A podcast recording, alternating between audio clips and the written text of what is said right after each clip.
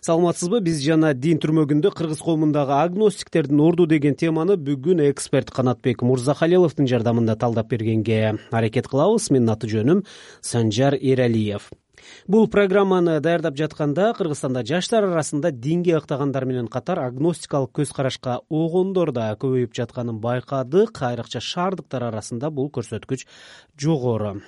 Бирок улуттук статистикада азырынча агностиктер тууралуу э, белгилүү бир эсеп э, же пайыздык көрсөткүч жок ошол эле кезде кыргызстанда агностицизмге байкоо салган эксперттер дээрлик жок экен. Жергиликтүү адистердин бул жааттагы пикирлерин тыянактарын чогултуу өтө кыйынга турду. Андыктан чет элдик эксперттерге кайрылууга туура келди биз жана дин.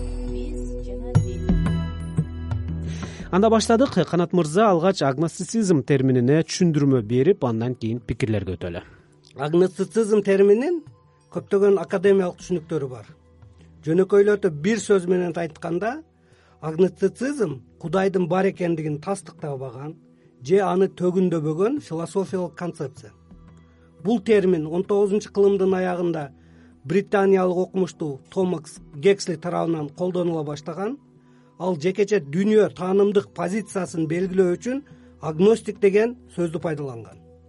Гексли өзүнүн агностицизм деген китебинде качан мен интеллектуалдык жактан жетилген чакта өзүмө мен киммин деген суроо бере баштадым. Атеистпи теистпи пантеист материалист же идеалистпи деп. Исанын жолун жолдогон машаякчымынбы же эркин ойлогон адаммынбы акыркы айтылган сөздөн башка мага эч кайсы түшүнүк туура келбеди деген бүтүмгө келдим деп жазган. Гекслинин аныктоосу боюнча агностик кудайдын бар экендигин таанбаган кайсыл бир динге же дин ишенимге шек саноо менен мамиле кылган адам адистердин тыянагына таянсак агностиктер кудайдын же жогорку абсолюттук күч трандецент бар экендигине күмөн санап аны түшүнүү мүмкүн эмес деген көз карашты да карманышат. Ооба кудайды түшүнүүдө диндер толук чындыкка ээ эмес деген пикирде болушат. Алардын кээ бирлери кудайга жан дүйнөсүндө акылында сыйына тургандыгын айтышат. Ал эми айрым агностиктер чындык жок өз көз карашыбызды эркин билдирүү укугубуз бар деп эсептешет жакында эле агностицизм темасында чет элдик адистердин пикирлерин топтодуңуз эле. Азыр анда ошолорду угалы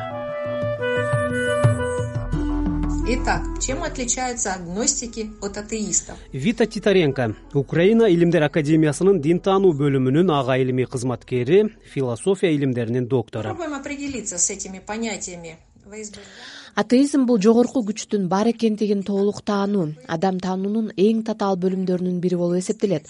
Ал эми агностицизм атеизмдин интеллектуалдуу чынчыл формасы.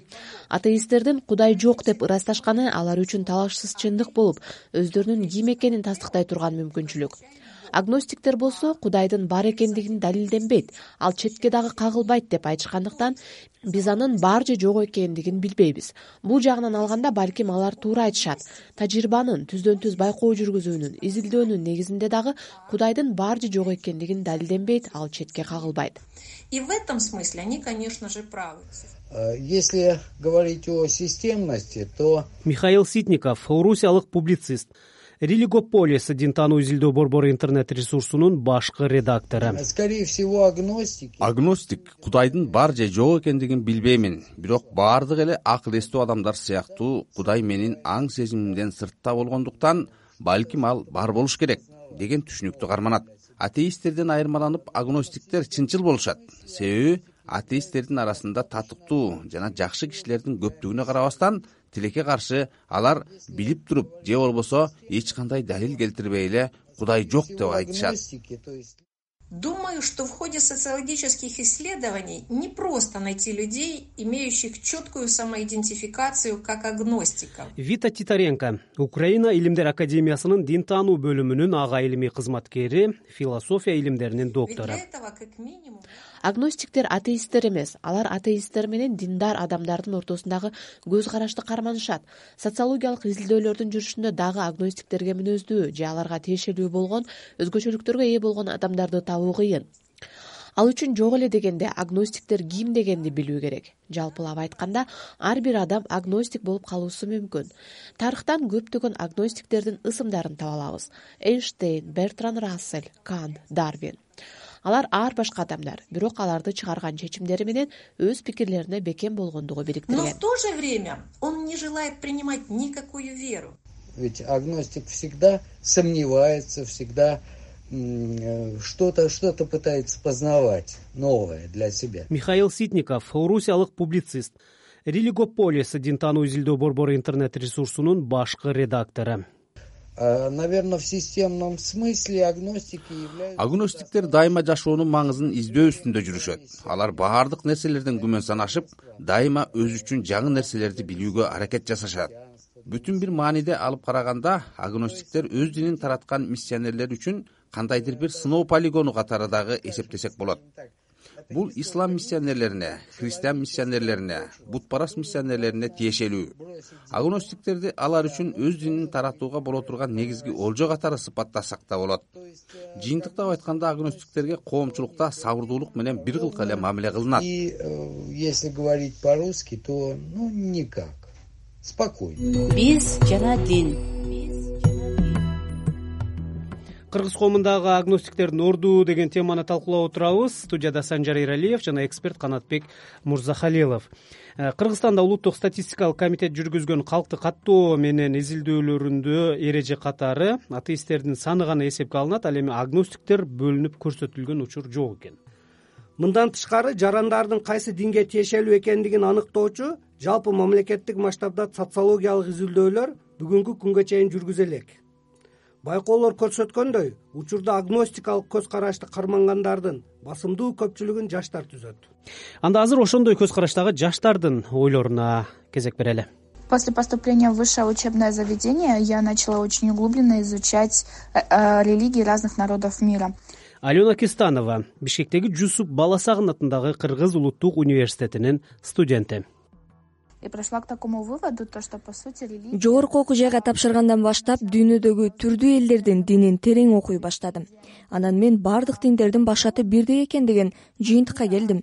Диндер кайсыл жерде кандайдыр бир нерселердин таасири аркылуу пайда болгонуна жараша өзүнчө мыйзамдары сыйынуу жөрөлгөлөрү эрежелери менен айырмаланат деп түшүндүм ошондуктан мен кудай бар бирок диндердеги мыйзамдар менен эрежелерди адамдар ыңгайына жараша өзүн өзү сооротуу максатында түзүп алган деп эсептейм.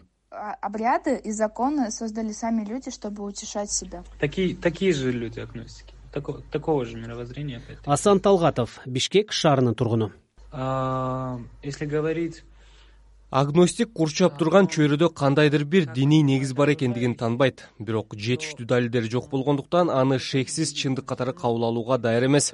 Ошондуктан адамдын жашоосунун маңызы эмнеде? Деген суроого жооп издеп мен акылдуу деп эсептеген өзүм ишенген адамдарга кайрылдым. Кээ бирлеринин пикирине каршы болдум. Акырында ушул жашоо философиясына токтолуп өзүмдү ээн эркин сезе баштадым.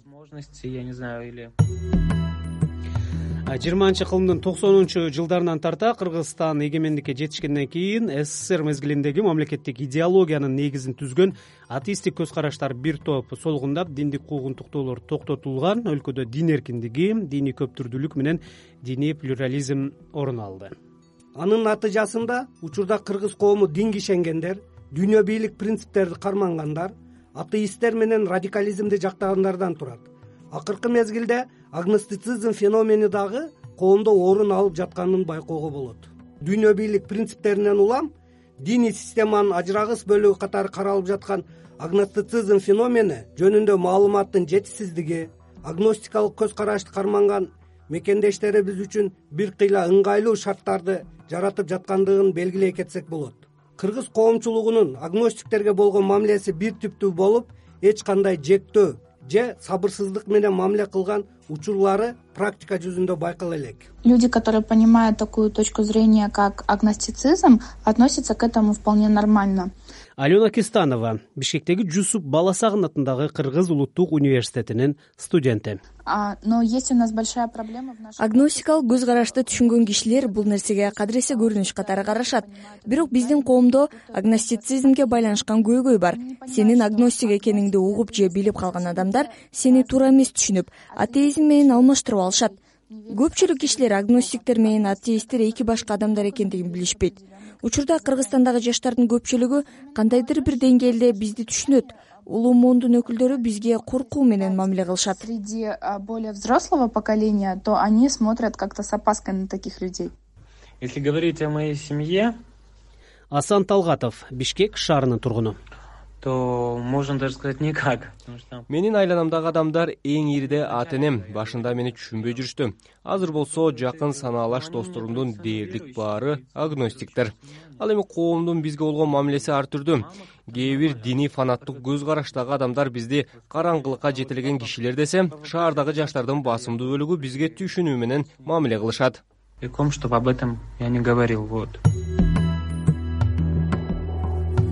кыргыз коомундагы агностиктердин орду деген теманын алкагында берүүнү уктуңуз. Э, жыйынтыктоочу сөз эксперт канатбек мырзахалиловдо жыйынтыктап айтканда коом арасында орун алган диний улут аралык жана башка себептерге байланыштуу түрдүү терс түшүнүктөрдөн агностиктер дагы четте калбайт. Көз карашынын негизинде алар үчүн ыңгайсыздыктар бир гана үй бүлөсү менен курчап турган адамдардын арасында гана болуп жаткандыгын белгилеп кетебиз бул биз жана дин түрмөгү болду аны оого мен санжар эралиев жана канатбек мырзахалилов алып чыктык. Уккандарга рахмат